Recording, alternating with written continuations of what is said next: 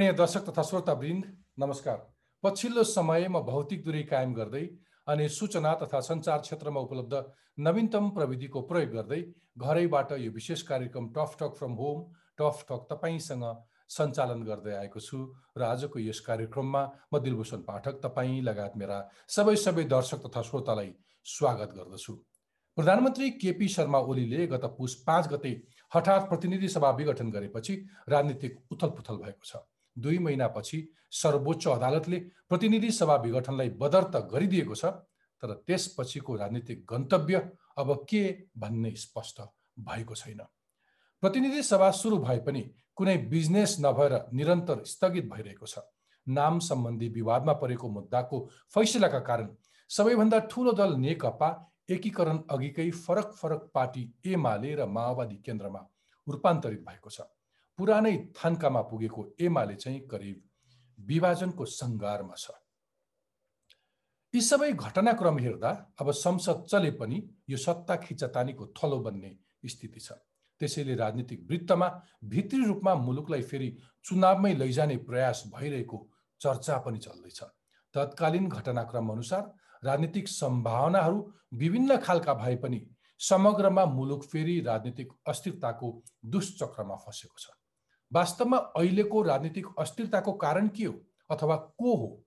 Congress communist दुवै धारका नेताहरू किन जनमुखी बन्न सकिरहेका छैनन्? अथवा ठुलो राजनीतिक परिवर्तनपछि पनि राजनीतिक नेता र दलका प्रवृत्तिहरू किन परिवर्तन भइरहेका छैनन्? यस्तै प्रश्नहरूमा केन्द्रित रहेर अहिलेको राजनीतिक अवस्थाका बारे विश्लेषण गर्न आज मैले तिनजना लेखक विश्लेषकहरूलाई निम्ति आएको छु जो अहिलेको परिस्थितिको आकलन पहिलेदेखि नै गर्दै आएका थिए। आज मसँग हुनुहुन्छ लेखक विश्लेषक नारायण ढकाल सरिता तिवारी र गेजा शर्मा वाग्ले। आउनुहोस् स्वागत गरौँ आजका मेरा तिनैजना अतिथिहरूलाई। तपाईँहरू सबैलाई tough talk from home tough talk तपाईँसँगमा स्वागत छ। धन्यवाद म आजको संवाद नारायण ढकालजीबाट सुरु गर्न चाहन्छु। नारायणजी तपाईँले गत पुस पच्चिस गते एउटा कविता लेख्न भएको थियो। मलाई त्यो कविताको अंश सुनाउन मन लाग्यो। तपाईँ सुनाउनुहुन्छ कि म सुनाऊ अमूर्त सहर एक वृत्तान्त। यो ठिकै अगाडि चाहिँ अहिले छैन मसित त्यो कविता। ठिक छ। म वाचन गरिदिन्छु। दुई हजार सतहत्तर साल पुस पच्चिस गते लेख्नु भएको अमूर्त सहर एक वृत्तान्त कविताको एक अंश छ। ऊ मेरो स्वप्निल आदर्श थियो। पहिले ऊ मेरो झरझराउँदो आशा थियो तर यो उसको नाटक मात्र रहेछ। तर उसको अन्तस्करण अर्कै रहेछ। एक विप्लवपछि ऊ सम्राटको सिंहासनमा पुग्यो। जब ऊ सिंहासनमा चढ्यो त्यसपछि यता ऊ आफ्ना पुराना यारहरू कसैलाई चिन्दैन। उसले आफ्नो जीवनै बिर्सेको छ। उसले स्वतन्त्रता र प्रेमको गीत बिर्सेको छ। उसले हिरासत र गोलघरको यातना बिर्सेको छ। उसले भोगको कहाली लाग्दो आफ्नै कथा बिर्सेको छ। अब भनिदिनुहोस् यो कविताको अंशको सम्राटको हो। र अहिलेका यस्ता सम्राटहरू कुन कुन दलभित्र कस्तो अवस्थामा छन् नारायण ढकालजी? अनि यो चाहिँ कस्तो किसिमको अवस्थामा लेखियो भने यो कालमार्क्सले eighteenth Brumaire of Napoleon Bonaparte भन्ने आफ्नो एउटा चर्चित निबन्धमा चाहिँ के लेख्नु भएको छ भने परिवर्तनहरू भए सत्ता चाहिँ बदलिए राज्य बदलिएन होइन? आजसम्मका आजसम्मको इतिहासमा धेरै सत्ताहरू चाहिँ परिवर्तन भए तर राज्य बदलिएन। ठिक त्यस्तै किसिमको एउटा वियोगान्त ट्रेजेडी भनौँ होइन त्यो चाहिँ हामीले भोगिरहेको थियौँ। र त्यो भोगेको सन्दर्भमा चाहिँ हरेक हामीले यसो हेऱ्यौँ होइन हाम्रा हाम्रो राजनीतिक यात्राको चाहिँ जुन विभिन्न खुड्किलाहरूमा सबभन्दा पछिल्लो स्थितिमा जब हामीले गणतन्त्र प्राप्त गऱ्यौँ त्यसपछि पनि वास्तवमा हामीले जो गणतन्त्रवादी भनिएकाहरूको जुन एउटा संस्थाहरूभित्र चाहिँ सम्राटहरू देख्यौँ। अनि बडा अब त्यो एक प्रकारले छोएको कुराले लेखे हो मैले। तपाईँ तपाईँसँग यस पछाडि गहिरो सम्बन्ध छ नाता छ अथवा वामपन्थी राजनीतिलाई यति नजिकबाट निहाल्नु भएको छ आफै पनि राजनीतिमा संलग्न भएर जनताका माझ पुग्नु भएको छ स्वतन्त्र रूपमा लेख्नुहुन्छ लेखाइहरूमा ती जनताका भावनाहरू प्रतिनिधित्व हुन्छ नै। बाहिरबाट नेता र राजनीतिप्रति आम मानिसको धारणा के पाउनुहुन्छ पछिल्लो समय?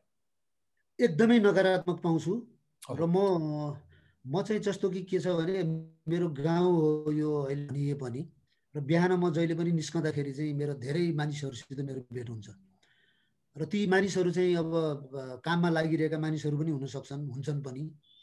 जस्तो खेतमा काम गरिरहेका मेरो मर्निङ यो प्रभात जुन भ्रमण हुन्छ नि मर्निङ वाक मर्निङ वाक चाहिँ म खेतै डिल डिलै डिल पनि हिँड्छु अनि त्यहाँ मान्छेहरूसित भेट हुन्छ उनीहरू र उनीहरू र चाहिँ यो राजनीतिको बिचमा धेरै ठुलो दुरी छ। अनि मलाई चाहिँ कस्तो लागिरहन्छ भन्दाखेरि यो किन यो दुरी भएको होला? पहिले पनि यो भनौँ न हाम्रो देश चाहिँ राज्य बनिदेखि बनेदेखि पृथ्वीनारायण शाहको समयदेखि पृथ्वीनारायण शाहको समयमा पनि एकीकरणतिर लाग्यो होला अर्कै कुरा हो। त्यो पनि पछिदेखि नै हाम्रा राज्यहरू चाहिँ जनप्रिय एउटा बाटोमा कहिल्यै हिँडेनन्। अनि हामीले आशा गरेको चाहिँ यो पछिल्लो समयमा हो नि जस्तो पञ्चायतलाई विस्थापित गरिसकेपछि अनि त्योभन्दा पछि अब राजतन्त्रलाई फालिसकेपछि अझ बढ्दा आशा थियो नि त होइन? त्यो आशा देखिएन। राज्य बदलिँदै बलिएन राज्य चाहिँ एकदम शत्रुवध भयो कि? यो म चाहिँ यो जहिले पनि इसाबेल आयन्दे भन्ने एकजना धेरै विश्वचर्चित लेखी लेखक हुनुहुन्छ। उहाँको चाहिँ हाउस अफ द स्पिरिट्स भन्ने उपन्यास विश्व चर्चित पनि छ। उहाँले एउटा इन्टरभ्यूमा के भन्नुभयो भन्दाखेरि ल्याटिन अमेरिकाको उहाँ जहाँ बस्नुहुन्छ चिलेमा उहाँको चाहिँ देश देशको चाहिँ राज्य कहिल्यै प्रो पिपुल भएन अरे क्या बरु हामी किन बाजिरहेछौँ भन्दाखेरि हाम्रो परिवार व्यवस्था चाहिँ असाध्यै राम्रो छ। परिवारले हामीले प्रोटेक्ट गरेका छ राज्यले कहिले प्रोटेक्ट गरे हामी कहाँको हाम्रो स्थिति पनि लगभग त्यस्तै देखियो हेर्नुहोस्। धेरै परिवर्तनहरू भए होइन? सात सालको परिवर्तन छयालिस सालको परिवर्तन बैसठी त्रिसठीको परिवर्तन तर राज्यहरू चाहिँ जनतामुखी भएनन्। जनता र राज्यको बिचमा धेरै ठुलो चाहिँ दरार उत्पन्न भएको छ र यो राजनीतिप्रति स्वामित्व जनताको देखिन्न। ओके। ओके। हुन्छ। म सरिताजीकोमा आउन चाहन्छु। सरिताजी नारायण ढकालजीको सम्राटका बारेमा कविताका केही लाइन र त्यसको उहाँले व्याख्या अझ भुइँ मान्छेहरूसँग उहाँको दैनिकी उहाँले बिताएको दैनिकीका आधारमा जुन इम्प्रेसन राख्नुभयो तपाईँ पनि राजनीतिक पात्र र पृथ्वी प्रवृत्तिहरूमाथि बडो सशक्त कलम चलाउनुहुन्छ। मलाई मनपर्छ तपाईँको लेखहरू। कोही एक व्यक्तिलाई देखाएर उसैले गर्दा सबै कुरा बिग्रेको हो भन्ने टिप्पणी गरेको सुनिन्छ लार्जर राज्यले जे जति डेलिभर गर्न सकेन at the end of the day त्यहाँ पुग्ने नेतृत्व अथवा जो अस्ति जनतालाई बा बाचा कबुल गरेर सिंहासनमा पुग्छ अनि ऊ सम्राट बन्छ। त्यस पछाडि सबै कुरा बिर्सिन्छ भनेर भन्दै गर्दाखेरि त्यो सम्राट बिग्रिने कसरी? ऊ आफै बिग्रिन्छ या या बिगार्न अथवा यो भद्रगोल अवस्था निम्ताउनका लागि हामी अरू पनि जिम्मेवारी छौँ? के लाग्छ तपाईँलाई? धन्यवाद। सबभन्दा पहिले त सबैलाई नमस्कार। अहिले नारायण ढकालले जे भन्नुभयो अघि तपाईँले कविता वाचन गर्नुभयो त्यो मैले पनि पढेको पङ्क्तिहरू थियो। मलाई पनि मन परेको पङ्क्तिहरू थियो। हामी सबैले अनुभूत गरेकै कुरा हो यो। म आफै पनि प्रत्यक्ष राजनीतिक यात्रामा केही समय मैले पनि गुजारेको हुँदाखेरि एक प्रकारले खास गरेर नेपालको वामपन्थी राजनीतिसँग चाहिँ हाम्रो अलिक बढी अपेक्षाहरू थिए। यो अडचालिस सालमा नेपाली काङ्ग्रेसको बहुमत को सरकारकै बेलामा पनि धेरै विसङ्गतिहरू आइसके पछाडि र एकाउन्न सालमा मध्यावधि चुनाव पछाडि चाहिँ जसरी तत्कालीन नेकपा एमाले केही लोकप्रिय पनि भयो। र त्यो अवस्थामा चाहिँ कम्युनिस्टहरूले कहीँ न कहीँ केही चाहिँ गर्छन् है भन्ने खालको एउटा अपेक्षा त्यतिखेरै पनि थोरै छोडिएको थियो। र बिचमा दस वर्षको जनयुद्धको क्रममा तत्कालीन नेकपा माओवादीले एक प्रकारले धेरै ठुलो अपेक्षा मान्छेहरूको बिचमा त्यो अपेक्षाको प्रसार गरेको थियो हुन त भए पनि थियो डर पनि थियो। केही डरकै कारणले गर्दाखेरि पनि मान्छे ठिकै छ भन्ने हिसाबले चाहिँ त्यो एक प्रकारले अनुकूलन भइराखेको अवस्था जस्तो देखिन्थ्यो। तथापि यसले चाहिँ कहीँ न कहीँ कम्युनिस्टहरूले केही चाहिँ गर्छन् है भन्ने खालको अपेक्षा चाहिँ लामो समयदेखि मान्छेले पालिराखेको अवस्था थियो। र अहिले पछिल्लो समयमा दुईवटा पार्टीका बिचमा एकीकरण पनि हुने एकता पनि हुने भन्ने कुरा बाहिर आउँदाखेरि त्यो खासमा अलिकति बुझेका मान्छेहरूले अलिकति त्यसलाई विश्लेषण गर्न सक्ने मान्छेहरूले त यो स्वार्थहरूको चाहिँ मध्यबिन्दु खोजिएको अवस्था हो भन्ने कुरा त्यो सजिलै बुझ्ने कुरा थियो। जुन अब अहिले आएर सबै कुरा भत्ताभुङ्ग भएर देखिसकेको छ र सबैले बुझेको अवस्था छ। तर त्यति बेला केही अपेक्षा मान्छेले पालेका थिए वामपन्थीहरू एक ठाउँमा भयो भने केही त गर्लान् भन्ने खालको थियो। तर यो भित्रभित्रै पनि भुसको आगो जसरी फैलिएको चिज चाहिँ के थियो भने पछिल्लो समय समय आइपुग्दाखेरि चाहिँ यो चाहिँ भित्रभित्र यो समग्र विश्व व्यवस्था आर्थिक प्रणालीहरूको प्रभाव चाहिँ नेपालको यो जनजीवनदेखि लिएर राजनीतिक पार्टीदेखि लिएर समग्रमा परिरहेको थियो। केवल त्यो यो चाहिँ अर्थ र वाणिज्यको क्षेत्रमा मात्रै देखिएको थिएन कि त्यो समग्रमा जनजीविकाका हरेक कोष कोषमा मान्छेको चाहिँ यो चाहिँ जीवनशैलीमा हरेक ठाउँमा भिजिराखेको अवस्था थियो। त्यसले गर्दाखेरि चाहिँ काहीँ न काहीँ राजनीति चाहिँ यसरी नै एउटा अघि दाइले त्रासदी भन्ने शब्द प्रयोग गर्नुभयो। त्यो एउटा ट्राजिक एउटा चाहिँ मोडमा आउनुपर्ने नै थियो। यसमा कुनै सङ्कै थिएन। यो मोरलेस ढिलो र चाँडोको मात्रै कुरा थियो। त्यो हुँदाखेरि चाहिँ अब पात्रको कुरा गर्दाखेरि अब अहिले हामीले चाहिँ सबैले टाढोबाट हेर्दाखेरि एउटा पात्र देखिन्छ पनि र त्यो बारम्बार देख्दाखेरि टड्कारो देखिन्छ। त्यसले गर्दाखेरि पात्रमाथिको हाम्रो जुन एउटा टिप्पणी छ त्यो त फेरि स्वाभाविक नै हो। तर त्यो पात्रलाई त्यहाँसम्म पुग्ने त्यहाँसम्मको कल्पना गर्न सक्ने यतिसम्म हरकत गर्न सक्ने चिजहरू फेरि यिनै एटमोस्फियरबाट यिनै वातावरणबाट निर्माण हुँदै हुँदै आएका हुन् भन्ने मलाई लाग्छ। त्यो हुँदाखेरि चाहिँ व्यक्ति इतिहासमा व्यक्तिको कति भूमिका हुन्छ व्यक्तिका निरङ्कुशताका व्यक्तिका महत्त्वकाङ्क्षाका कति भूमिका हुन्छन् भन्ने कुरा हेर्दाखेरि हामीले पछाडि फर्केर हेऱ्यौँ भने हिटलर जस्ता पात्रहरू अथवा चाहिँ अब अहिले आएर चाहिँ अब इन्डियामा देखिएका केही व्यक्तिहरूका कुराहरू अथवा अरू चाहिँ देशका अरू सरकारहरूका कुराहरूलाई हामीले एकचोटि चाहिँ रिभिजिट गर्नुपर्ने हुन्छ। तरै पनि व्यक्तिलाई चाहिँ व्यवस्थाले नै निर्माण गर्ने हुँदाखेरि चाहिँ यो समग्र दोष नै व्यवस्थामा नै छ प्रणालीमा नै छ भन्ने चाहिँ मलाई लाग्ने गरेको छ। तपाईँले केही अघि एउटा लेख लेख्नुभयो। प्रतिगमनका सारथी हो। हजुर। यसमा तपाईँले के भन्नुभएको छ भने यो प्रतिगमन निमित्यान्न पार्नका लागि अरू पनि पात्रहरू छन् हामी सामान्यत देख्दाखेरि चिनमा एउटा पात्र देख्छौँ अनि केही पात्रप्रति मात्रै हामी ढुङ्गा पारिरहेका हुन्छौँ आक्रोशित भएर हुन्छौँ दोष लगाइरहेको हुन्छौँ। तर प्रत्यक्ष अप्रत्यक्ष रूपमा त्यो एउटा पात्रलाई एउटा एउटा एउटा एउटा एउटा नायकलाई खलनायक बना बन्नतर्फ तपाईँ हामीले नि बचाउ गरी गरी योगदान पुर्याइरहेको हुन्छौँ भन्ने खालको आशय थियो। को नेताहरूको कस्तो कस्तो खालको प्रवृत्तिका कारण पश्चागमनतर्फ हामी लाग्यौँ त्यसलाई अलिकति केलाइदिनुहुन्छ होइन मैले त नामै लिने गरेको छु। मैले बारम्बार मैले प्रचण्डमाथि त एउटा सिङ्गो आर्टिकल प्रचण्डमाथि नै लेखा हो। र अरू मसिना नामहरू बाहिरबाट हेर्दाखेरि नदेखिने नामहरू जस्तो मैले यो राज्य व्यवस्था तथा सुशासन समितिमा रहेर काम गरेको हिसाबले चाहिँ शशि श्रेष्ठलाई मैले किन त्यो भनेको छु भने नेपाली महिला आन्दोलनमा उहाँहरूको एउटा ठुलो योगदान छ। उहाँहरूले नेपालको महिला आन्दोलनलाई धेरै उचाइमा पनि पुर्याउनु भयो। र उहाँहरूसँग हाम्रो अपेक्षाहरू पनि थिए र हामीले कम्पेरिटिभली उहाँहरूलाई इमान्दार भनेको। तर उहाँहरू चाहिँ राज्यको यो सरकारको चरित्रसँग अथवा त्यस्ता मान्छेहरूका महत्त्वकाङ्क्षाका चरित्रहरूसँग उहाँहरूले यस्तोसँग आफूलाई अनुकूलन बनाउनु भयो यस्तोसँग एडजस्ट गर्नुभयो कि उहाँहरूले चाहिँ हामीले यो ठाउँमा बसेर यो चिज गर्नुहुन्छ कि हुन्न भन्ने कुरालाई त्यो एकदमै नजरअन्दाज गर्नुभयो। मैले पम्फा भूषालको पनि नाम लिएको थिएँ त्यो आर्टिकलमा। इभन मैले रामकुमारी झाँक्रीहरूले गरेको विरोधलाई उहाँहरू अहिलेसम्म नै मैले त उहाँलाई तोकेरै भनेको छु। उहाँ त टिकटक सेलिब्रेटी भएर बस्नुभयो नि त लामो समयसम्म होइन? भनेपछि चाहिँ यो आफूलाई परेपछि आफ्नो टाउकोमा घन ठोकिएपछि मात्रै अनि आछु भन्न थाल्ने खालको जुन परिपाटी देखियो नि अहिले पनि माधव कुमार नेपालले जब बोल्न थाल्नुहुन्छ केपी ओलीको अहङ्कार भन्नुहुन्छ लामो गरेर के? अनि यो चिजलाई यस चिजको डेभलपमेन्टमा माधव नेपालको भूमिका कति थियो झलनाथ खनालको भूमिका कति थियो? अहिले हामीले चाहिँ शेरबहादुर देउवालाई अलि ब्याकग्राउन्डमा अलि पछाडिपट्टि राखिरहेको हुन्छौँ होइन? अब यी सबै कर्ताहरूको हिसाबले हेर्दाखेरि चाहिँ मलाई चाहिँ कोही पनि त्यो तुलोमा जोख्यो भने कोही कमी लाग्दैन कि होइन? र यो उहाँहरूको एउटा व्यक्तिगत रूपमा उहाँहरूको मात्रै कुरा होइन कि हाम्रो पनि कुरा हो जस्तो लाग्छ। हाम्रो पनि कुरा हो। हामीले पनि यो बिचको समयमा त केपी ओलीलाई महान राष्ट्रवादी देख्यौँ नि त मैले व्यक्तिगत रूपमा देखेँ कि देखिनँ त्यो ठुलो कुरा होइन। तर मेरो वृत्तका मेरो सेरोफेरोका म जस्तै मान्छेहरूले हामीले देख्यौँ होइन?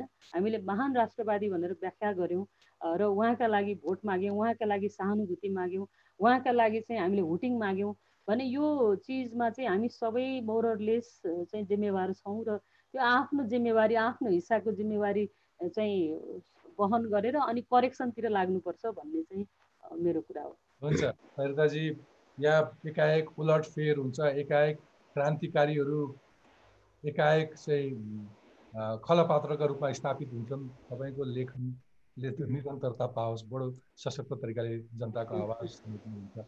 म गेजा शर्मा वाग्लेजीकोमा जान चाहन्छु। उहाँ लेखक विश्लेषक हुनुहुन्छ। गेजाजी तपाईँको पनि यो प्रतिनिधि सभा विघटन बदर भएपछि दुई साता अघि तपाईँले सत्ता राजनीतिको विकृत तस्बिर अब फेरि संसदमा प्रवेश गरेको छ भन्दै एउटा लेख लेख्नु भएको थियो।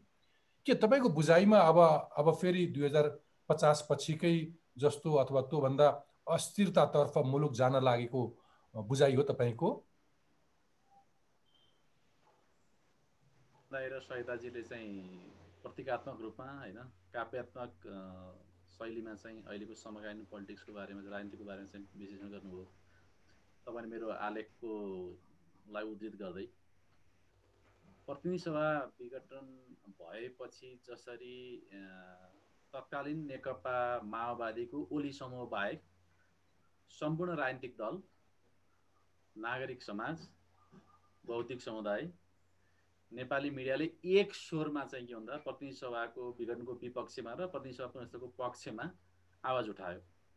र त्यसमा चाहिँ सडकमा आएका दलहरूले पनि केही हदसम्म चाहिँ विगतमा हामीबाट कमी कमजोरी भए तर अब प्रतिनिधि सभा पुनस्थमा भएपछि हामी राजनीति राजनीतिक प्रवृत्ति पात्र र पर्फर्मेन्स तिनै दृष्टिकोणले चाहिँ के भन्दा सुधार गरेर अगाडि बढ्छौँ भनेर सडकमा प्रतिबद्धहरू पनि व्यक्त भएका थिए। केही हदसम्म मौखिक रूपमा पनि भएका थिए केही हदसम्म लिखित रूपमा पनि भएका थिए नेपाली जनता समक्ष गरिएको थियो।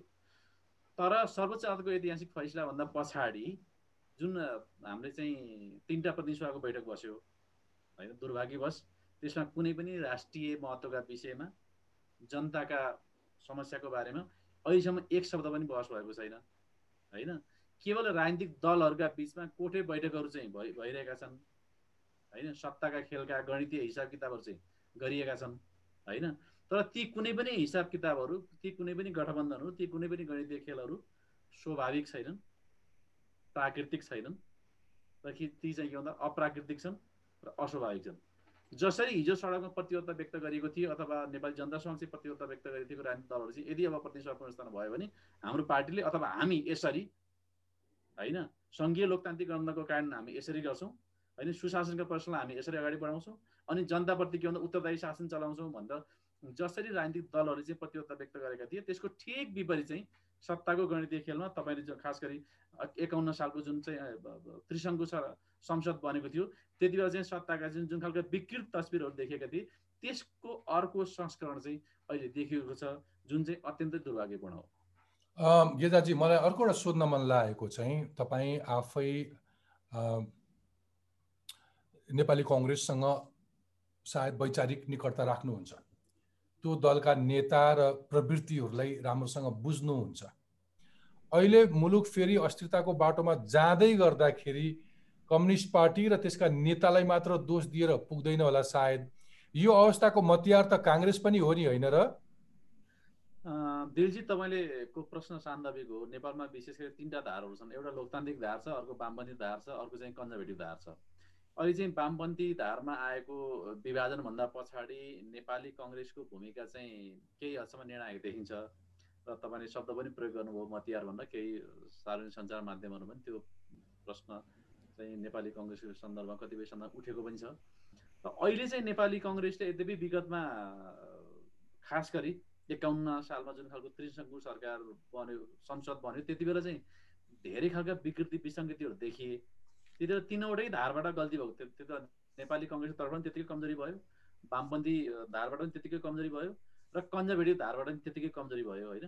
अहिले पनि अहिले बढी चाहिँ त्यो खालको वामपन्थी धारमा खास गरी तत्कालीन नेपाल कम्युनिस्ट पार्टी विभाजन भएपछि र अहिले पुनः सत्तारूढ नेकपा एमालेमा जुन खालको अन्तर्विरोध देखिएको छ शक्ति सङ्घर्ष देखिएको छ आरोप प्रत्यारोप देखिएको छ र सत्ताका लागि चाहिँ अहिले विगतमा भन्दा नेपाली कङ्ग्रेसले अलिक एउटा बिम्बको रूपमा पनि प्रयोग गरिन्थ्यो नेपाली कङ्ग्रेसलाई होइन? कङ्ग्रेसलाई सत्ता भनेको अक्सिजन हो भन्ने हुन्थ्यो होइन? तर अहिले चाहिँ के भन्दा सत्तारूढ कम्युनिस्ट पार्टीका नेताहरूले पनि नेपाली काङ्ग्रेस सभापति शेरबहादुरलाई प्रस्ताव गरेका छन् माओवादीले पनि प्रस्ताव गरेको छ जनता समाजवादी पार्टीले पनि प्रस्ताव गरेको त्यति हुँदा पनि अहिले चाहिँ केही हदसम्म सत्ताका लागि हतार नगर्नु एउटा दृष्टिकोण हेर्दा चाहिँ सकारात्मक पक्ष पनि हो दिलभूषणजी। तथापि पुनस्थापित प्रतिनिधि सभालाई सफल बनाएर जनताको भावना अनुरूप चाहिँ प्रतिनिधि सभा र राज्य सञ्चालन गर्नुपर्ने जिम्मेवारी उत्तिकै जिम्मेवारी नेपाली कङ्ग्रेसको पनि हो। त्यस कारणले विगतबाट केही हदसम्म शिक्षा लिएको त देखिन्छ। तथापि संविधानको भावना अनुरूप र जनताको चाहना अनुरूप प्रतिनिधि सभालाई सफल बनाएर जनउत्तरदायी शासन गर्ने दृष्टिकोणले चाहिँ नेपाली काङ्ग्रेसले थप निर्णायक भूमिका निर्वाह गर्नुपर्ने अवस्था देखिन्छ अहिले। होइन तर मलाई चाहिँ मलाई चाहिँ म अलिकति रिफ्लेक्ट मैले चाहिँ अलिकति रिफ्लेक्ट पनि गर्न खोजेको अहिलेको तत्कालीन अवस्था भन्दा पनि त्यसको अलिकति पृष्ठभूमिमा पनि जान खोजेको। तपाईँ नेपाली कङ्ग्रेस अथवा त्यसका नेता शेरबहादुर देवा कहिले पनि विपक्षी भूमिकामा देखिएनन् नि होइन? एउटा विपक्षी गतिलो मात्रै भइदिएको भए पनि सरकारले त्यो लिगबाट बाहिरिँदैन थियो होला नि। यो परिस्थिति आउनका लागि त बुझ्ने केही मान्छेहरूले त सिङ्गो केपी ओलीको प्रवृत्तिलाई मात्रै होइन कि? नेपाली कङ्ग्रेस र नेपाली कङ्ग्रेसका सभापति शेरबहादुर देवा समेतलाई दोषी देख्छन् नि होइन? तिनको मिलोमतो नभएको भए यो लेभलको कन्फिडेन्स आउँदैन थियो होला केपी ओलीलाई। यिनीसँग केही साझेदारी गरौँला यिनलाई केही चित्त बुझाउँदै गरौँला अरू बाँकी म मेरो हिता- हिसाबले हिँडौँला भन्ने जस्तो पनि भयो होला नि। विपक्षी विपक्षी चुप लागेपछि त सरकार चलाउनेलाई अरू के पिर भयो? अत्यन्त सान्दर्भिक प्रश्न दिनुभूषणजी लोकतान्त्रिक प्रणालीमा सरकार जति जिम्मेवार हुन्छ सरकारलाई जनताप्रति उत्तरदायी बनाउन र सरकारलाई खबरदारी गर्न विपक्षी पार्टीको पनि त्यतिकै भूमिका हुन्छ। यदि लोकतान्त्रिक पद्धतिमा प्रतिपक्षी पार्टीले चाहिँ जन जन जनभावना अनुरूप चाहिँ सरकारलाई उत्तरदायी बनाउन र सरकारलाई खबरदारी गर्न निर्णायक भूमिका निर्वाह गर्न सकेन भने अहिलेको केपी ओलीको सरकार जस्तै त्यो सरकार अधिनायकवादी हुन्छ। त्यो सरकार अनुत्तरवादी हुन्छ र त्यो सरकार चाहिँ के भन्छ सर्वसत्तावादी हुन्छ। र अहिले चाहिँ केपी ओली र केपी ओली प्रवृत्ति यहाँ आउनको लागि चाहिँ सत्तारूढ पार्टीभित्रका माधव नेपाल झलनाथ खनाल र प्रचण्डहरू पनि जिम्मेवार छन्। सँगसँगै प्रतिपक्षी पार्टी नेपाली कङ्ग्रेस र प्रति प्रमुख प्रतिपक्षी दलका नेता शेरबहादेव पनि त्यत्तिकै जिम्मेवार छन्। त्यस कारणले यी समग्र परिस्थितिमा चाहिँ एनालिसिस गर्दाखेरि चाहिँ नेपाली काङ्ग्रेसले प्रतिपक्षको भूमिका सशक्त निर्वाह गर्न नसकेको कारणले गर्दा यो सरकार जनताप्रति उत्तरदायी हुन सकेन।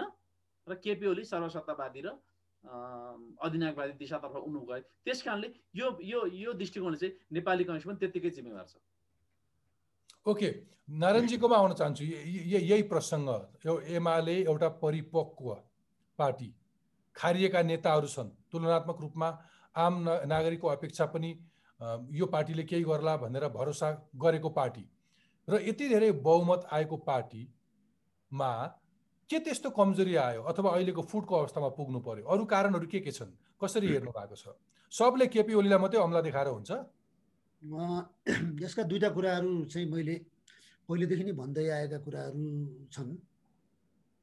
एउटा चाहिँ हाम्रो जुन समाज जुन छ त्यो समाजका सीमाहरू पनि एकदमै त्यो त्यसले चाहिँ बनाउने समाजले बनाउने एउटा जुन परिस्थिति हुन्छ ती ती ती ती पनि जिम्मेवार छन्। र दोस्रो कुरा चाहिँ के भन्छु भन्दाखेरि मैले नेकपा एमाले दुई हजार छयालिस सत्तालिसको परिवर्तन पछि नै त्यसभित्र चाहिँ त्यो लगभग विचलनका सङ्केतहरू प्रकट भएका हुन्। खास गरी त्यसले चाहिँ सत्ताइस बुँदे जुन संविधानमा संशोधनका जुन एउटा मागहरू राखेका थियो ती डेमोक्रेटिक पनि थिए र प्र प्रगतिशील पनि थिए। र तिनलाई पनि त्यसले चाहिँ छोडेर स्वामित्व लिएन न स्वामित्व नलिएपछि त्यसले चाहिँ उही त्यो अघि मैले चाहिँ सुरुमै भने जस्तो चाहिँ राज्य सत्तालाई परिवर्तन गर्ने राज्यलाई परिवर्तन गर्ने राज्यलाई जनमुखी बनाउने दिशातिर त्यो गएन। त्यो चाहिँ वास्तवमा सत्तामा कसरी बस्ने र सत्तामा पहिले इतिहासमा जो जो जसरी बसेको छ आफू त्यसै अनुकूल हुने कुरातिर नै त्यो गएको देखिन्थ्यो। अब त्यो त्यो लामो यात्रादेखि अहिले नेकपा बनुन्जेलसम्मको कुरामा पनि त्यही अब तिनै कुराहरूले ध्यान यस्तो होइन यस्तो होइन। मलाई लागिरहेको के हो भने निर्वाचित भएर आएपछि कुनै पनि व्यक्तिले। आफ्नो एक कार्यकाल अनुसार काम त गर्न पाउनुपर्छ नि। बहुमत लिएर आएको छ पार्टी ए बाबा। प्रधानमन्त्री केपी शर्मा ओलीले राष्ट्रिय एकैछिन एकैछिन। प्रधानमन्त्री केपी शर्मा ओलीको त्यो बेलाको नारा सम्झिनुहोस्। त्यो नारालाई विश्वास गरेर जनताले बहुमत दिएको छ। अनि काम गर्न नपाउने अनि यहाँ हुँदा हुँदा निर्वाचित व्यक्तिलाई अनेक बाहना गरेर अनिर्वाचितहरूले अनिर्वाचितहरूले मेरो शब्द सुन्नुहोस् घेराबन्दी गर्ने अनि कामै गर्न नदिने प्रवृत्ति पनि त छ नि। समस्या त यस्ता प्रवृत्तिले जन्माएको होइन। अघिल्लो प्रश्नको अलिकति उत्तर भागिने र यसलाई पनि म। जस्तो कि मैले के भने भन्दाखेरि अघि सरिताजीले पनि भन्नुभएको थियो संरचनागत समस्या छ भनेर भन्नुभएको थियो। त्यो संरचनागत समस्या भने चाहिँ म मेरो मेरो बुझाइमा उहाँको बुझाइ फरक पनि हुनसक्छ।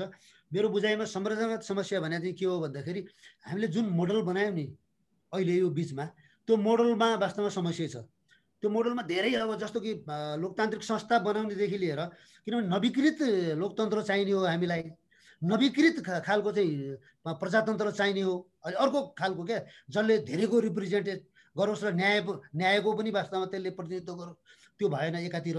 अर्कोतिर चाहिँ जुन परिस्थितिबाट एकता भयो एकता भएपछि जुन दुई तिहाई भयो दुई तिहाई भइसकेपछि उहाँले चाहिँ नेतृत्व जुन पाउनुभयो नि त्यसपछिको अवस्था चाहिँ हामीले बाहिरबाट हेर्दाखेरि के देखिन्छ भन्दाखेरि उहाँले चाहिँ त्यो खालि न्यु खोज्या जस्तो मात्रै देखिन्छ जस्तो मलाई काम गर्न दिएन भन्दाखेरि उहाँले त आन्तरिक रूपले व्यवस्थापन गर्न नसकेको कुरा हो नि त त्यो हो। काम गर्न दिएन भने के कुरामा काम गर्न दिएन? जस्तो संसदमा के कुराले डेडलक भयो? एउटा कुरा बाहेक एमसिसीमा अलिकति विवाद भएको थियो। त्यो एमसिसी बाहेक अरू कुनै कुरामा वास्तवमा त्यहाँ विवाद देखिँदैन बाहिर हेर्दाखेरि। एमसिसीको विवाद पनि रिजेक्ट गरेकै छैन। एमसिसी त उनीहरू पा मलाई लाग्छ मैले त जसलाई पनि मलाई जसले प्रश्न गर्नुहुन्थ्यो उहाँहरूलाई मैले के भन्ने गर्थेँ भने एमसिसीले पास गर्छन्। यो खालि के भन्दाखेरि भित्रको कुरा नमिलेर एमसिसी आएको भनेर मैले भन्ने गरेको थिएँ। त्यसैले ओलीजीले मलाई काम गर्न दिएनन् भन्नु उहाँको चाहिँ वास्तवमा त्यो कुतर्क हो। उहाँले पार्टीभित्र व्यवस्थापन गर्न नसकेको जस्तो कि अब त्यो संसारका अरू अरू देशका कतिपय पार्टीहरूमा गुटहरू हुन्छन् गुटहरूलाई व्यवस्थापन गरिएको हुन्छ। होइन लिबरल डेमोक्रेटिक पार्टी अब जापानको पार्टीका आठवटा नौवटा गुट छ भनेर मैले पढाएको थिएँ। तिनीहरूको त्यो गुटलाई जहिले पनि व्यवस्थित गर्छन्। ब्रिटेन अब युके जस्तो कि बेलायतमा बेलायतमा पनि वास्तवमा कन्जर्भेटिभ लिबरलहरूको बिचमा गुटहरू हुन्छन् गुटहरू मिलाउँछन् एउटाले सकेन भने अर्कोलाई दिन्छन्। होइन अरू अर्को त्यहाँ त अहिले त जुन एउटा फिक्स टर्म पार्लियामेन्ट सम्बन्धी कानुन दुई हजार एघारमा आइसकेपछि त उनीहरूले के गरिए भन्दाखेरि अब चाहिँ त एउटाले सकेन भने त्यही पार्टीको अर्कोले पनि सक्छ भने दिने भनेर त्यस्तो किसिमको परम्परा त्यहाँ बसिसकेको छ। हाम्रो यहाँ चाहिँ उनले आफू कलिग्सहरू जस जसलाई उनले तिलस्मी प्रचण्डसित उनले एउटा तिलस्मी खालको चाहिँ एकता गरे। त्यो एकता तल तलसम्म राजनीतिक रूपले कसैले प्रश्न उठाएन किनभने यो पार्टीलाई अराजनीतिकरण गरिसकेका थियो। दुई हजार छयालिस सत्तालिस पछि नै गरिसकेका थियो। त्यो प्रश्न उठाउने किसिमको त्यो तब्का नै छैन यहाँ। होइन? त्यो गरिसकेपछि उनले जुन ढङ्गले आए कमसेकम प्रचण्ड मिलाउनु पर्थ्यो। माधव नेपाललाई यसो सन्तुलनमा राख्न सक्थे नि उनले। शेरबहादुर देउवा विपक्षी दलको नेतालाई सन्तुलनमा राख्न सक्नेले आफ्नै पार्टीको भित्रलाई सन्तुलनमा राख्न सक्दैन थियो। सक्थ्यो। तथापि यसले पनि अर्को सङ्कटलाई त लिड गर्थ्यो किनभने उनी मुखले मात्र जे भनिरहेको थिएँ नि त्यो काममा त त्यो भइरहेको थिएन नि। भ्रष्टाचार जिरो म गर्दिनँ म पनि गर्दिनँ अरूलाई नि गर्न दिन्न भने कुरा मात्रै हो क्या। भ्रष्टाचार त व्यापक भएको छ। ट्रान्सपेरेन्सी इन्टरनेसनलले त्यसै भने होइन होइन? त्यसैले चाहिँ उहाँले जुन अत्तो अत्तो थाप्नु अहिले थाप्न थालिसक्नु फेरि। संसदले मलाई अब फेरि वास्तवमा सङ्केत पहिलो दिनदेखि नै सङ्केत नराम्रो छ भन्नु उहाँ त प्रश्नहरूको उहाँ सामना गर्नुहुन्न बहसहरूको सामना गर्नुहुन्न पार्टीभित्र एउटा सानो गुट र कोटरी त्यसमाथि भनौँ न हुन्छ बहादुरहरूसित मात्रै बस्न चाहनुहुन्छ भनेपछि सङ्कटको ज्वरो त उहाँभित्र छ। तर त्यति त्यत्तिकै सङ्कट अब समानान्तर रूपले उहाँका हिजोका होइन अब कामरेड इन आर्म्सहरूसित पनि थियो। सरिताजीले अघि भनिसक्नु भएको छ। त्यही कुरा म मेरो पनि त्यसमा सहमति छ। हुन्छ। अब म सरिताजीकोमै जान चाहन्छु नि त। मेरो अलिकति यसमा केही आफ्नो रिजर्भेसन पनि छ। कुनै पनि बाहनामा हरुवा चाहिँ फेरि अर्को चोर बाटोबाट जितेर नपुगेको ठाउँमा जानु हुँदैन भन्ने प्रश्न पनि हो। सरिताजी कुनै नेता चुनावमा हार्छ अनि फेरि उसलाई शासकीय नेतृत्वमा जाने आकाङ्क्षा पलाउँछ। उसको आकाङ्क्षाका कारण पार्टीभित्र फेरि लफडा सुरु हुन्छ। अनि निर्वाचित भएर मुलुक वा पार्टी शासन चलाउने वैधानिक पाएको व्यक्ति चाहिँ अनि तिनको घेराबन्दीमा पार्छ। सब मिलेर घेराबन्दीमा पार्छ। यो समस्या हो कि होइन?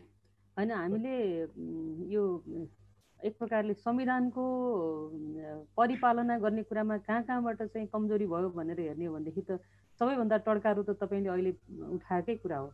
किनभने हामीले एउटा व्यक्तिको कुरा गर्दाखेरि व्यक्तिमा समस्या हुन्छ भन्ने कुरा त अघि पनि आयो। अहिले पनि उहाँहरू दुवैजनाले भन्नुभयो। तर फेरि पनि सिस्टमलाई कमजोर बनाउन र यतिसम्म धराशायी बनाउने कुरामा चाहिँ सबैले आफ्नो ठाउँबाट भूमिका खेले।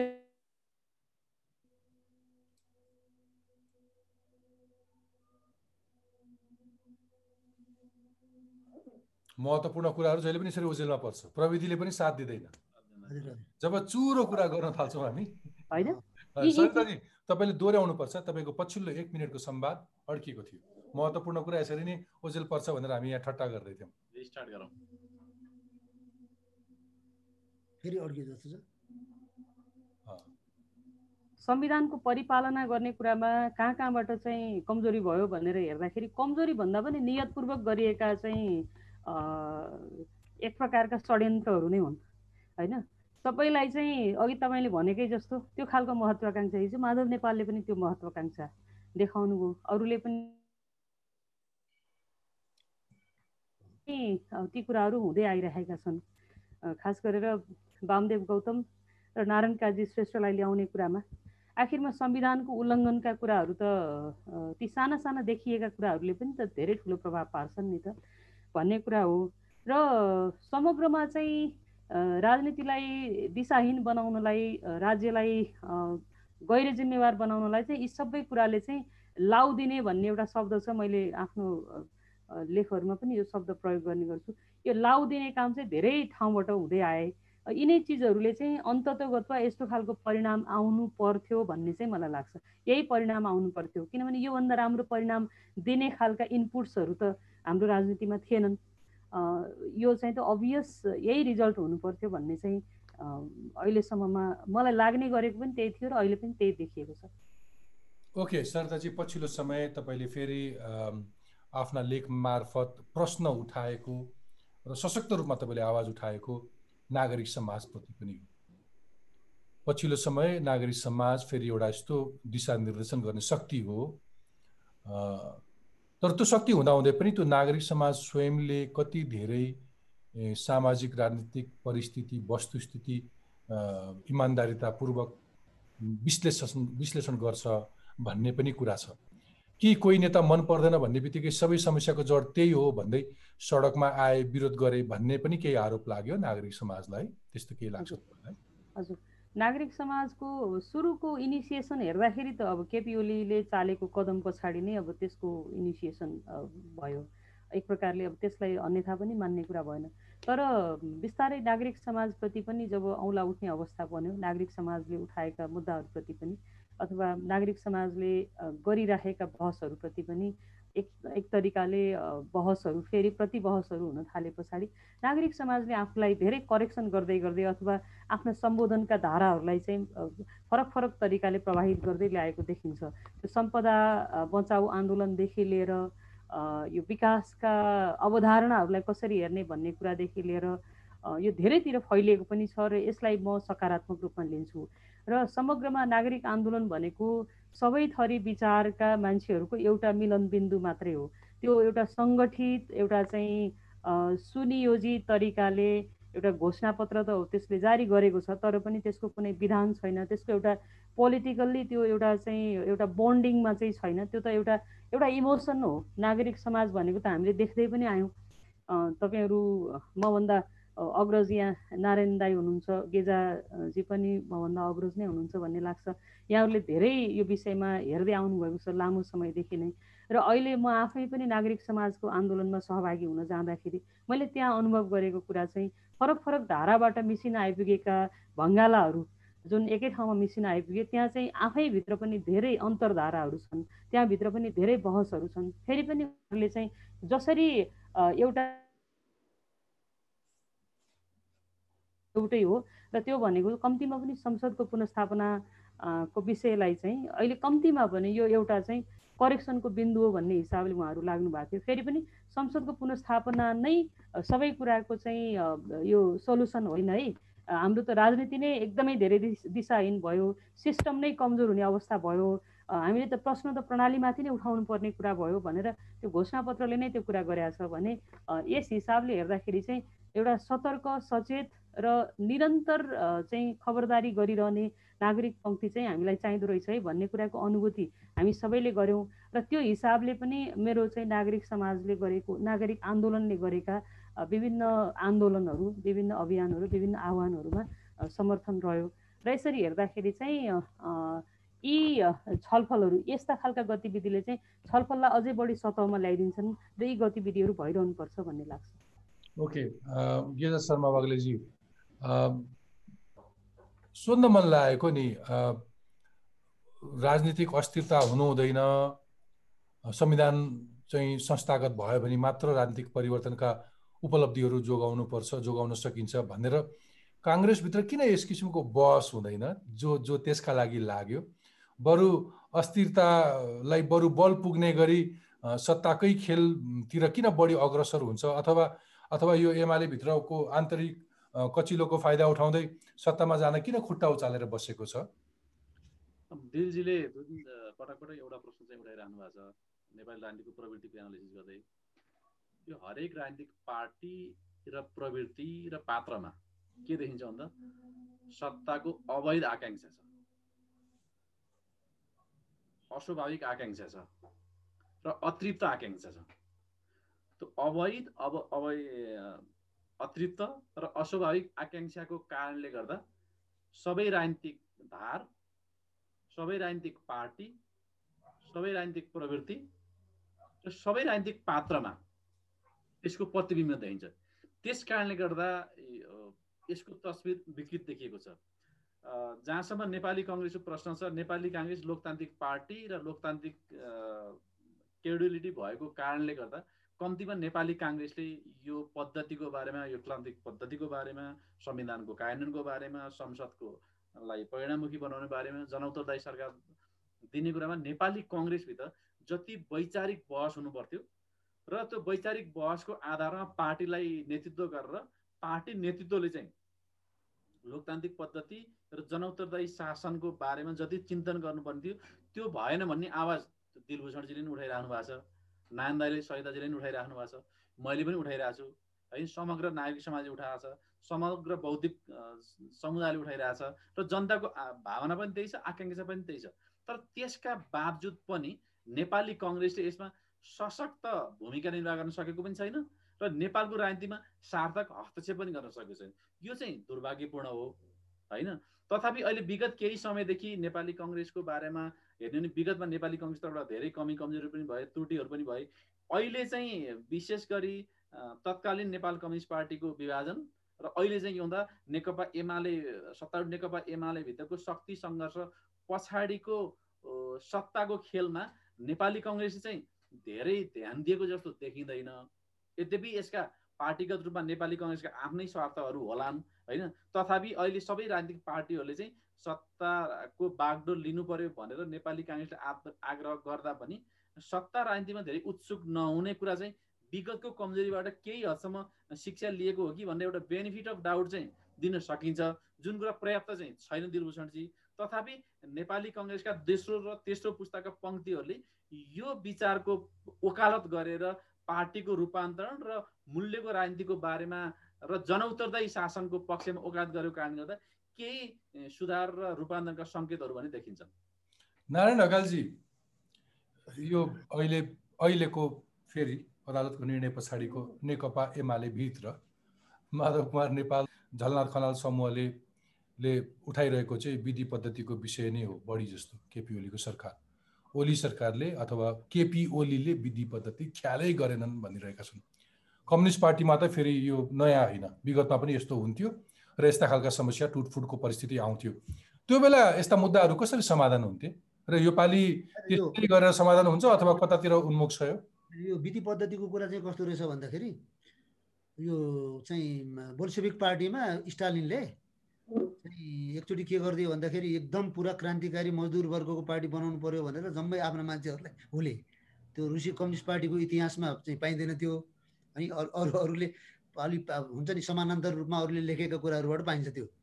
अनि स्टालिनले कस्तो बनायो त पार्टी? भन्दाखेरि त्यो चाहिँ हेर्दाखेरि चाहिँ त्यो त्यो चाहिँ लुट्ने सत् सत्तालाई चाहिँ लुट्ने त्यो परम्परा चाहिँ पहिलेदेखि स्टालिनले नै सिकाएर छन्। होइन? त्यो त्यो परम्परा चाहिँ थियो तर यो बिचमा चाहिँ के देखियो भन्दाखेरि अलि बढ्ता अश्लील होइन? अलि भद्दा अलि नमिलेको जस्तो ओलीले चाहिँ किनभने अब बैठक डाकेको छ बैठकमै नजाने होइन? अनि त्यसपछि आफूले बोला आफूले बैठक डाक्यो भने उनीहरूलाई नबोलाउने होइन अस्ति हेर्नु न। अनि त्यसपछि बोलाइ अब केन्द्रीय कमिटी महाधिवेशनले दस प्रतिशत पुरा गरिसकेको छ फेरि अरूलाई थप्ने। यस्ता किसिमका अश्लील हरकतहरू चाहिँ ओलीजीले गर्नुभएको छ। तर त्यसको विकल्पमा त्यहाँ चाहिँ अब जस्तो कि जो अहिले प्रताडित हुनुहुन्छ हिजो त माधव नेपालजीले हामी म पनि दुखी तपाईँहरू पनि दुखी दुखी दुखी एक ठाउँमा भेला भएको भन्नुभयो। भाषणै गर्नु हो। यो दुखीहरूले किन वास्तवमा शिक्षा लिन नसकेको उहाँहरूको दुःख चाहिँ वास्तवमा राजनीतिविहीनता आफूले राजनीतिको बाटो छोडेको कारणले गर्दा पार्टी निर्माणका सिद्धान्तहरूमा गलत भएका कुराहरूलाई करेक्सन नगरेको कारणले गर्दा हो। डेमोक्रेटिक सेन्ट्रलिजम भनिरहने जहिले पनि पार्टीलाई डेमोक्रेटिक बनाउनु पर्दैन। सेन्ट्रलिजिस्ट बनाउने पार्टीलाई जहिले पनि। अहिले पनि उहाँ वास्तवमा उमेरको हिसाब किताबले अब नेपालको जनसङ्ख्याको सात प्रतिशतमा पुगिसक्नु भएको छ उहाँहरू। सात प्रतिशतको मान्छेले यत्रो चाहिँ सन्तानब्बे प्रतिशतको जनसङ्ख्याले नेतृत्व गर्छु भन्ने पद नछोड्ने। अहिले पनि वास्तवमा मञ्चमा हिजो हिजो हेर्नुहोस् न हिजो यो वैकल्पिक भेलामा मञ्चमा बसेको मान्छेहरू हेर्नुहोस् त। बुढा बुढा मान्छेहरूले तल बस्न मिल्दैन। मैले त बारम्बार हरेक सभामा गएर भनेको छु युवा पुस्ताले नेतृत्व गर्नु पर्यो र म ताली बजाउन तल बस्छु भनेको छु महिलाले पनि महिलाले पनि अरू पनि समावेशिता अल्पसङ्ख्यकहरू होलान् बहिष्कृतहरू होलान्। गर्नुहुन्छ भने अष्टलक्ष्मी एकजना मात्रै त्यहाँ हुनुहुन्छ। अब हुन त अष्टलक्ष्मीले पनि कति महिलाको प्रतिनिधित्व गर्नु होला र। त्यस कारण चाहिँ के भने मैले देखेको कुरा के हो भने विधि र पद्धतिमा उहाँको भल्ग्यारिटी देखिन्छ। होइन प्रधानमन्त्री ओलीजीको उहाँले त्यो गरेकै हो उहाँलाई विधि पद्धतिमा कुनै रुचि पनि छैन। उहाँ एक प्रकारले भन्दै हो भने पार्टीभित्रको एक्लो तानासा हो देशकै तानासा भन्ने उहाँको महत्वाकाङ्क्षा पनि होला। तर जो विकल्पको राजनीति गरिराख्नु भएको छ उहाँहरूसित पनि दिशा छैन दिशाबोधै छैन। दिशाबोध हुनु परेन। भन्ने कुराहरू चाहिँ वास्तवमा अहिलेको सबभन्दा ज्वलन्त प्रश्न पनि यही हो जस्तो लाग्छ राजनीतिको प्रश्न हो। यसले गर्दा चाहिँ यसले अरू अरू राजनीतिका अरू क्षेत्रहरू के? जस्तो कि अरू रा- दललाई प्रभाव पार्ने होइन? अनि सिङ्गै चाहिँ वास्तवमा प्रणाली जति थियो त्यो पनि वास्तवमा भत्काउने त्यस्तो किसिमको अवस्था होला जस्तो लाग्छ मलाई। ओके। अब तपाईँले त्यो इतिहासको पनि सन्दर्भ जोड्नुभयो अनि अहिलेका प्रधानमन्त्रीको कुरा र अथवा त्यो त्यो भद्दा आनी बानीको कुरा जोडिसकेपछि मलाई सम्झना आयो कि तपाईँले गत असोजमा एउटा लेख लेख्नुभयो दिशाहीन समाजवादको पटकथा शीर्षकमा। त्यहाँ तपाईँले आफ्नो लेखमा भारतका प्रधानमन्त्री इन्दिरा गान्धीको जस्तो भद्दा नक्कल गरी पपुलिजम गर्दै हिँडे हाम्रा प्रधानमन्त्री भनेर भन्नुभयो अनि गर्नुपर्ने कुरा गरेनन् नगर्नुपर्ने कुरा ज्यानै दिएर लागेर गरे भनेर टिप्पणी गर्नुभयो प्रधानमन्त्री ओलीमाथि। यदि तपाईँले भने जस्तो प्रधानमन्त्री ओली पपुलिजमको पछाडि दौडेका हुन् भने अबको यो उनको गन्तव्य कहाँ पुगेर अन्त्य हुन्छ? अथवा उनको राजनीतिक भविष्यबारे कुनै आकलन गर्नुहुन्छ? यो मेरो अन्तिम प्रश्न। एकदमै एकदमै मैले आकलन गर्छु। उहाँको राजनीतिक भविष्य त एकदमै खतरामा छ। उहाँ ठुलो यस्तो किसिमको एउटा जहाज उहाँले उडाइसक्नु भएको छ कि त्यो वास्तवमा त्यसका इन्जिनहरू फेल भइसकेका छन् होइन? कहाँ गएर खस्छ? वास्तवमा त्यो हामीले हेर्न मात्र बाँकी हो हेर्नुहोस्। किनभने उहाँले जब पद्धति बनाउनु भएन किनभने पपुलिजमको एउटै कुरा के भने पद्धतिहरू बिगार्ने। पुरा प्रणाली भत्काउने हो कि? पपुलिजम भने त्यस्तो हो। अनि त्यो त्यो इन्दिरा गान्धीको हालत हेर्नुहोस् त। इन्दिरा गान्धीको कारणले गर्दा भारतमा अहिले चाहिँ काङ्ग्रेस भारतीय इन्डियन इन्डियन नेसनल काङ्ग्रेस चाहिँ अहिले एकदम अप्रासङ्गिक भएन। जबकि इतिहासमा त्यत्रो ठुलो योगदान गरेको। अहिले भारतमा जुन किसिमको नौ नयाँ फाँसीवादीहरूको जुन जगजगी बढ्या छ त्यो बढ्नुको पछिल्लोतिर चाहिँ इन्दिरा गान्धीको पपुलिजमले गरेन। उहाँको चाहिँ सङ्कटकालको अपराधले गरेन। त्यसैले उहाँले वास्तवमा ओलीजीले समयमै होइन आफूलाई चाहिँ वास्तवमा अहिले नै सच्याएर आजै भोलि नै सच्याउनु भयो भने त केही नहोला नत्र उहाँ त ठुलो दुर्घटनाको शिकार हुनुहुन्छ र त्यो शिकार चाहिँ उहाँलाई मात्र होइन सिङ्गो देशले त्यसको परिणाम भोग्नुपर्छ। स्थिति हो? ओके। सरिताजी तपाईँ तपाईँ कस्तो खालको आकलन गर्नुहुन्छ अबको राजनीतिक भविष्य अथवा त्यतातिरको अङ्कगणित म मलाई त्यति चासो छैन भन्नुहुन्छ भने पनि तपाईँको केही सुझाव चाहिँ छ। यहाँ जो केन्द्रमा बसेर राजनीतिलाई बढी प्रभाव पार्छन्। मलाई त आजकल के लाग्ने गरिरहेको छ भने हरेक सङ्कटसँग चाहिँ एउटा नयाँ त्यसको आविष्कार त्यसको जन्म पनि सँगै भइरहेको हुन्छ। म त अहिले अब मेरो छोरीको उमेरका चाहिँ अहिलेको जेनेरेसनहरूलाई हेरिरहेको छु होइन। उनीहरूले गरिरहेका बहसहरू हेरिरहेको छु उनीहरूले चलाइरहेका अभियानहरू हेरिरहेको छु म आफै पनि एउटा छलफल समूह चलाउँछु। मेरो छलफल समूह म आफू संलग्न भएको छलफल समूहका सत्तरी प्रतिशत सहभागी चाहिँ युवा हुन्छन् होइन? र म चाहिँ युवाहरूप्रति लक्षित भएर सोच्न मन पराउँछु। त्यो हिसाबले हेर्दाखेरि चाहिँ मलाई के लाग्छ भने यो जुन अहिलेको राजनीतिका तमाम खालका एब्सर्डिटीहरू छन् यिनीहरूको चाहिँ छिटो अन्त्य होस् जति सक्यो छिटो अन्त्य होस् ओली सँगसँगै अन्त्य होस् होइन? नयाँ ओली हाम्रो यो यो पङ्क्तिबाट फेरि नयाँ ओली उदय हुने स्थिति नै नरहोस् र एकदमै अघि तपाईँले अघि नारायण दाईले चाहिँ युवाहरूले नेतृत्व गर्नुपर्छ महिलाहरूले नेतृत्व गर्नुपर्छ। हाम्रा छलफलहरूलाई पनि युवा र महिलाहरूले नेतृत्व गर्नुपर्छ अथवा अल्पसङ्ख्यक समुदायकाले अथवा सीमान्तकृत समुदायका चाहिँ मानिसहरू चाहिँ नेतृत्वमा आउनुपर्छ भन्ने कुरा उहाँले गर्नुभएको थियो। भने म चाहिँ त्यो सम्भावना देख्छु होइन? र राजनीतिलाई अलिकति हामीले चाहिँ सबैले राजनीतिक एउटा कन्सर्न राख्नुपर्छ। हामी सबैले आफ्नो हिस्सेदारी राजनीतिमा देखाउनुपर्छ र आफ्नो हिस्साको राजनीति गर्नुपर्छ भन्ने चिजलाई अलिकति अलि बढी प्रसार गर्न सक्यौँ। यदि हाम्रो पुस्ताले लेख्ने पढ्ने पुस्ता के अरे जमातले मात्रै नै त्यो काम गर्न सक्यो भने पनि त्यसको प्रभाव अलिकति हामीले विस्तार गर्न सक्यौँ भने मलाई लाग्छ नेपालको राजनीति चाहिँ नयाँ मोडतिर पनि जान सक्छ होइन? म चाहिँ त्यो त्रासदीलाई पनि एउटा ठुलो अवसरको रूपमा हामीले चाहिँ ग्राप गर्न सक्यौँ भनेदेखि चाहिँ राजनीतिले नयाँ पिक लिन सक्छ भन्ने हिसाबले आशावादी छु। सरिताजी मलाई बडो आदर जागेर आयो तपाईँले बडो मिठो कुरा गर्नुभयो। तपाईँले फेरि युवाहरूसँग अलिकति बढी संवाद पनि गरिरहेको छु भने भनिरहँदाखेरि मलाई पनि यो खालको अन्तर्वार्ता भन्दा पनि पछिल्लो समयमा कसैलाई प्रश्न सोध्नु त पर्छ नै त्यसले अरू जिम्मेवार जवाबदेही बनाउनु बनाउँछ भन्छु नै। तर अरू धेरै संवाद चाहिएको छ भनेर भन्छु। मेरो प्रश्न के हो भने तपाईँले ठ्याक्कै सकिसक्नु भएको थियो तर पनि सोध्न मन लाग्यो कि एकजना ओली खराब भनिरहँदाखेरि अन्य नेताहरूमा शत प्रतिशत स्वभाव ठिक छ भन्ने कुनै पनि कोणबाट छैन। बरु ओली भन्दा ओली प्रवृत्ति भन्दा अरू अरू काम नलाग्ने प्रवृत्ति अथवा अरू हामीलाई नचाहिने प्रवृत्ति अरू अरू हानिकारक प्रवृत्तिहरू हामीले देखिरहेछौँ स्वभावतः नेतृत्वमा हुने कुनै गुणै नभएका मान्छेहरू फेरि नेतृत्वमा जानको लागि तछाड मछाड गरिरहेका छन्। होइन? यस किसिमको व्यक्ति अथवा यस किसिमको प्रवृत्ति भएन भनेर खबरदारी त गरेका छौँ। तर फेरि त्यस्ता प्रवृत्तिलाई निषेध गर्न आम नागरिकको पनि जिम्मेवारी हुन्छ होला। हाम्रो नागरिकको भूमिका कति छ र तिनले कति बुझेका छन्? तपाईँले त संवादको क्रममा कति पाउनु भएको छ। यो कतिजनाको चिन्ता हो। फेरि सबका सब कार्यकर्ता सबका सब झन्डा बोकेर तिनका पछि लाग्ने होला। तपाईँले भन्नुभएको थियो कि अघिल्लो लेखमा चाहिँ मान्छेले मान्छेले बचाउ गरे प्रचण्ड महँगो घाटमा सुतेको। प्रचण्डले एउटा महँगो घडी किन लाउनु नहुने भनेर बचाउ गरे। तिनी मान्छेहरूले नागरिक समाज भनेर सडकमा होइन मुर्दाबाद भनेर सडकमा आइरहेछन्। होइन यो मैले देखेको चाहिँ के छ भने नागरिक आवाज पनि अलि सङ्गठित अझै सङ्गठित हुन सकेन। जस्तो अहिले यसपालि हामीले गरेको अनुभव चाहिँ अलिक काठमाडौँ केन्द्री बढी भयो। हामीले चितवनमा त्यो कोसिस गऱ्यौँ।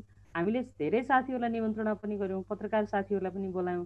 तर फेरि यस्तो बेलामा चाहिँ फेरि कस्तो भने पक्षधरता देखाउने अवस्थाका मान्छेहरू हुँदो रहेछन् कि म चाहिँ यतापट्टि प्रतिबद्ध छु भन्ने हिसाबले देखाउनु पर्ने तपाईँले अघि भनेकै जस्तो। र अनि अर्को कुरा चाहिँ कस्तो भने अहिले त हजार पचास रुपियाँ दिएर चाहिँ सङ्ख्या बढाउन टाउको बढाउन लाने कन्डिसन पनि त अझै पनि छ नि त।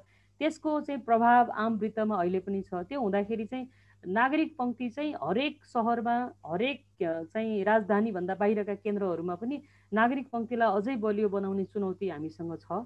र त्यो चुनौतीको बिचबाट फेरि नयाँ राजनीतिक उभारहरू पनि आइराखेको अवस्था अहिले पनि छ। अब युवाहरूले नव नवजागरण अभियान भनेर चलाइरहेका छन् मार्क्सवादी युवाहरूले होइन? त्यो यहाँ चितवनसम्म आइपुगेको थियो। मैले पनि चितवनमा त्यो कार्यक्रमलाई होस्ट गरिदिएको थिएँ होइन? उहाँहरूसँग छलफल गरेको थिएँ।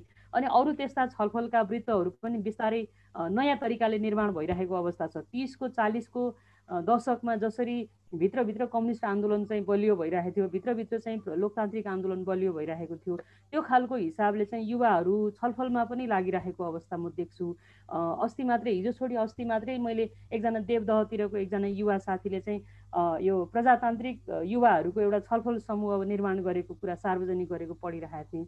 म यसरी हेर्दाखेरि चाहिँ युवाहरूमा जुन जागरुकता अहिलेको यो राजनीतिक यो यो ट्रेजेडीले गर्दाखेरि जुन नयाँ खालको तरिकाले सोच्नुपर्छ भन्ने जागरुकता उम्रेको छ यो प्रति चाहिँ बढी आशावादी छु भन्न राम्रो कुरा गर्नुभयो त अन्ततिर हामीले अगाडिको संवाद जसरी जसरी यो यो विकृतिका बारेमा कुरा गरे पनि एउटा आशा जगाउनु भयो। म यसरी नै आउँछु गेजा शर्मा वाग्लेजीलाई गेजाजी नेपालमा ठुलो राजनीतिक परिवर्तन भयो त्यो परिवर्तनले एक किसिमको स्थिरताको अपेक्षा गरेका थियौँ हामी। तर त्यो पनि नहुने र भएका उपलब्धिहरू पनि गुम्ने खतरा बढ्दैछ। अब त्यो स्थितिबाट बाहिर आउनका लागि कुन कुन दल अथवा कस्ता कस्ता नेताहरूको कस्तो भूमिका जरुरी छ? अथवा अहिलेको नागरिक समाज र बौद्धिक वर्गले ती राजनीतिक दल अथवा नेताहरूलाई कस्तो खालको मार्ग निर्देशन गर्न जरुरी छ? सधैँभरि एउटा अर्कालाई विद्वान भन्ने मान्छेले पनि उचाल्ने र भिडाउने मात्रै त गरिराख्ने होइन होला। तपाईँको यो अन्तिम प्रश्नबाट बिट मारौँ। वीरभूषणजीको सकारात्मक सोच जस्तै मेरो पनि सकारात्मक सोच नै हो। म नकारात्मक निष्कर्षमा नपुगौँ भन्ने लाग्छ। तर वास्तविकता वीरभूषणजी त्यही नै हो। मलाई चाहिँ के लाग्छ भन्दा अहिलेको सरकार संविधान सम्मत प्रक्रियाबाट अगाडि बढाएको छैन। पोलिटिकल पार्टी राजनीतिक दलहरू विधि सम्मत प्रक्रियाबाट सञ्चालन भएका छैन। त्यसै गरिकन राजनीतिक दलका नेता अथवा पात्रहरू चाहिँ के भन्दा मूल्यको राजनीतिबाट मार्गनिर्देशित छैनन्। र हामीले अहिले धेरै ओलीको बारेमा कुरा गऱ्यौँ। ओली एउटा व्यक्ति होइन हामी नारायण दाई सहिताजी हामी तपाईँ सबै सहमत छौँ कि ओली व्यक्ति होइन प्रवृत्ति हो। यो प्रवृत्तिको के भन्दा संविधान सम्मत नहुने विधि सम्मत रूपमा पार्टी नचलाउने र के भन्दा मूल्यको राजनीति नगर्ने भएको कारणले गर्दा यति विकृत तस्विर देखिएको हो होइन। तर यसबाट निकास पाउन तपाईँले जहिले पनि पोजिटिभ नोटबाट चाहिँ तपाईँले आफ्नो डिस्कोर्सलाई चाहिँ अन्त्य गर्न चाहनुहुन्छ। तर मलाई चाहिँ के लाग्छ भन्दा सबैभन्दा पहिले राजनीतिक पार्टीभित्रै रूपान्तरण भएन र राजनीतिक पार्टीभित्रै सुधार भएन भने तपाईँ हामीले जति नै बहस गरे पनि आगामी दस वर्षपछि तपाईँसँग संवाद गऱ्यौँ भने हामी यही नै बिन्दुमा संवाद गरिरहेका हुन्छौँ। त्यस कारणले सुधारको प्रारम्भ हामीले राजनीतिक दलबाट गरौँ। त्यहाँ रूपान्तरण पनि गर्न जरुरी छ नीतिगत रूपमा पनि रूपान्तरणको जरुरी छ नेतृत्वको दृष्टिकोणले पनि रूपान्तरणको जरुरी छ र सुधारको जरुरी छ। अर्को कुरा चाहिँ के पोलिटिकल पार्टीभित्र वैकल्पिक नेतृत्व पनि जति सशक्त र मुखर भएर आउनुपर्ने हो र जति राजनीतिक पार्टीभित्रै जति सार्थक हस्तक्षेप गर्न सक्नुपर्ने हो त्यो गरेको देखिँदैन। यद्यपि लोकतान्त्रिक धारमा होइन विश्वजी गगनजी होइन विश्वप्रकाश शर्मा गगन थापा प्रदीप पौडेल लगाएका साथीहरू युवा पुस्ताका साथीहरूले प्रयास गरिरहनु भएको छ होइन। त्यसै गरी वामपन्थी वृत्तमा पनि घनश्याम भूषालजीहरूले योगेशजीहरूले त्यसै गरी उता चाहिँ जनार्दन शर्मा वर्षमान पुनहरूले गरिराख्नु भएको छ होइन। तर उहाँहरूको प्रयास चाहिँ पार्टीभित्र सार्थक हुन सकेको छैन। र अहिले नै पनि के हुन्छ त्यही पुरानो पुस्ता अथवा त्यही ओली प्रवृत्ति पार्टीको नेतृत्वमा रहेको र त्यो सत्ताको नेतृत्वलाई प्रश्न गरे पनि त्यो पुस्ताले सार्थक हस्तक्षेप गरेर रूपान्तरण गर्न नसकेको कारणले गर्दा तपाईँ हामीले अपेक्षा गरे अनुसारको अनुभूति पनि हामीले गर्न सकेनौँ। संविधान सम्मत रूपमा राज्य सञ्चालन पनि भएन र भएको सरकार र राजनीतिक दलहरू जनताप्रति उत्तरदायी पनि हुन सकेनन्।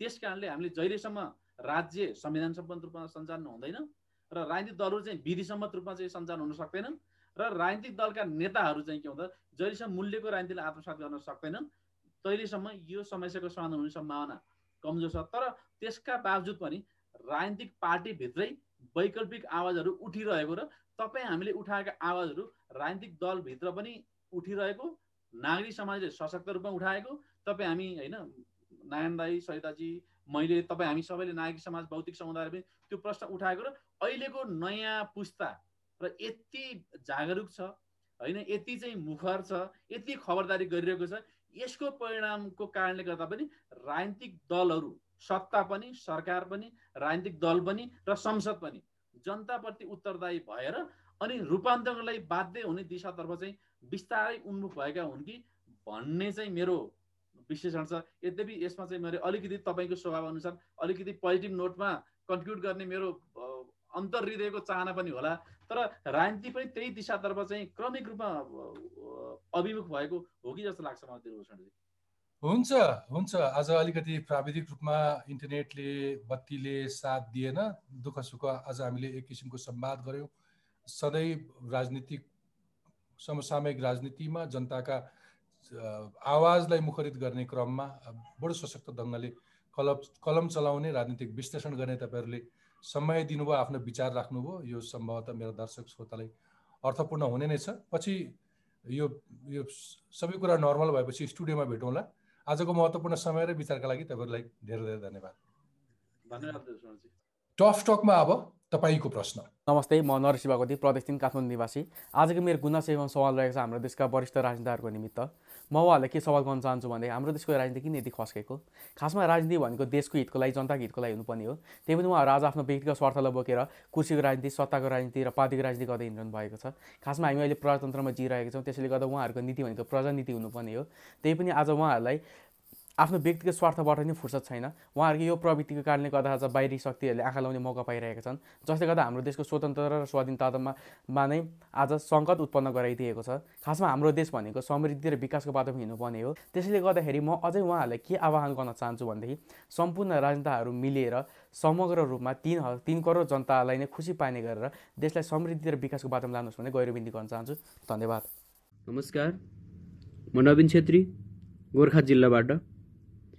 हाल काठमाडौँ? मेरो प्रश्न यो छ कि सत्ता र भत्ताको लागि कतिन्जेलसम्म राजनीति गर्ने? यो राजनीति भन्ने शब्दबाट अहिलेका युवा पुस्ताहरू वाक्क दिक्क भइसके। फेरि पनि हामी देश विकासमा देशमा अग्रगामी छलाङ मार्नको लागि भन्दै विभिन्न फोस्रा गफहरू दिन्छौँ। आखिर त्यसको परिणाम भने हात लागि सुन्ने। देश र जनताप्रति वफादार रही देश निर्माण गर्ने राजनीतिज्ञ हामीले कहिले पाउँछौँ? अबदेखि टकटकमा तपाईँ आफै पनि प्रश्न राख्न सक्नुहुनेछ। सरकारमा बस्ने हुन् वा प्रशासन चलाउने? सार्वजनिक ओदामा बस्ने हुन् वा समाजका जिम्मेवार व्यक्ति? तपाईँ जसलाई पनि प्रश्न गर्न सक्नुहुनेछ। उत्तर नआउन पनि सक्छ तर प्रश्नको प्रभाव अनेक किसिमले परिरहेकै हुन्छ। त्यसैले आजै आफ्नो मोबाइल फोन उठाउनुहोस् क्यामेरा अन गर्नुहोस् नाम र ठेगाना भन्नुहोस् र कसलाई के प्रश्न हो आधा मिनटभित्र सोध्नुहोस् र हामीलाई पठाउनुहोस्। हामी सबैभन्दा उत्कृष्ट प्रश्नलाई कार्यक्रममा समावेश गर्नेछौँ। हवस् त आजलाई बिदा दिनुहोस्। टकटकको युट्युब पेज तथा फेसबुक पेजमा प्रतिक्रिया लेख्न तथा सब्सक्राइब गर्न नभुल्नुहोला। स्वस्थ रहनुहोस् सुरक्षित रहनुहोस्। आजलाई बिदा दिनुहोस्। नमस्ते शुभ